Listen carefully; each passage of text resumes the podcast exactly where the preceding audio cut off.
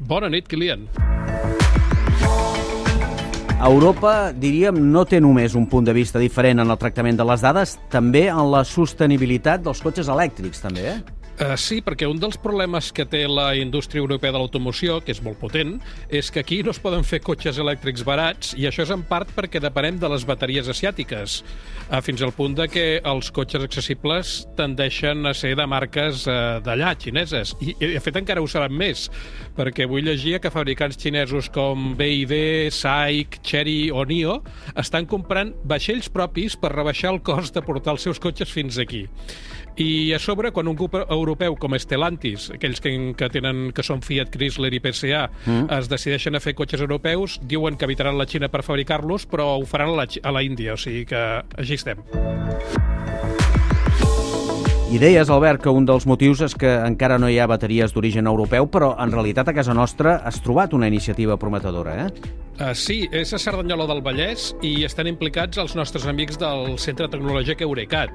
Uh, es diu BatTech, amb dues T's, i és el Centre Tecnològic d'Excel·lència per Recerca, Desenvolupament i Innovació en Bateries, on tenen en marxa diferents projectes, tots ells centrats en l'economia circular i la sostenibilitat, i d'aquí allò que et deia de l'enfocament europeu.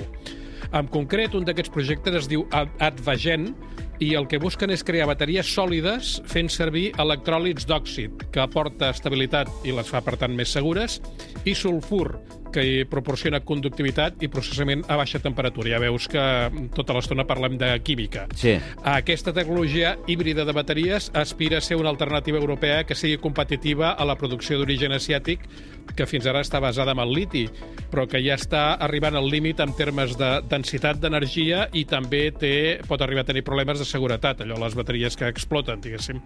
És eh, potser per això que el projecte compta amb un pressupost de més de 850.000 euros. I no és, diríem, l'únic d'Eurecat que té a veure amb les bateries. No, el centre aquest BatTech porta captats més de 4 milions d'euros per desenvolupar bateries i reciclatge de materials per vehicles elèctrics. Un altre d'aquests projectes es diu Free for Leap, està valorat amb 1,6 milions d'euros, es fa amb un consorci europeu i el que busca són processos sostenibles i eficients per reciclar les bateries convencionals, les d'ions de liti, al, al final de la seva vida útil, amb una taxa més alta que fins ara de recuperació de les matèries primeres. D'aquest mateix projecte n'hauran de sortir també un passaport de bateries que faci traçable els materials, eines avançades per avaluar l'estat de salut de les bateries, vull dir si encara es poden utilitzar o no, i també tecnologies per ensamblar el que en diuen bateries de segona vida.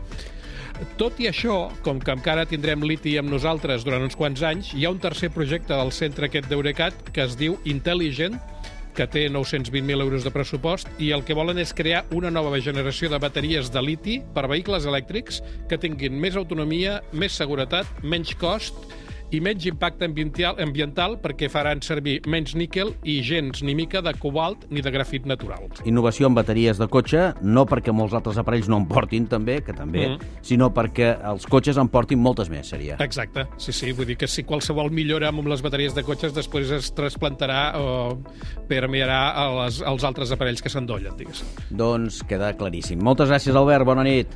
Bona nit, Kilian, fins demà.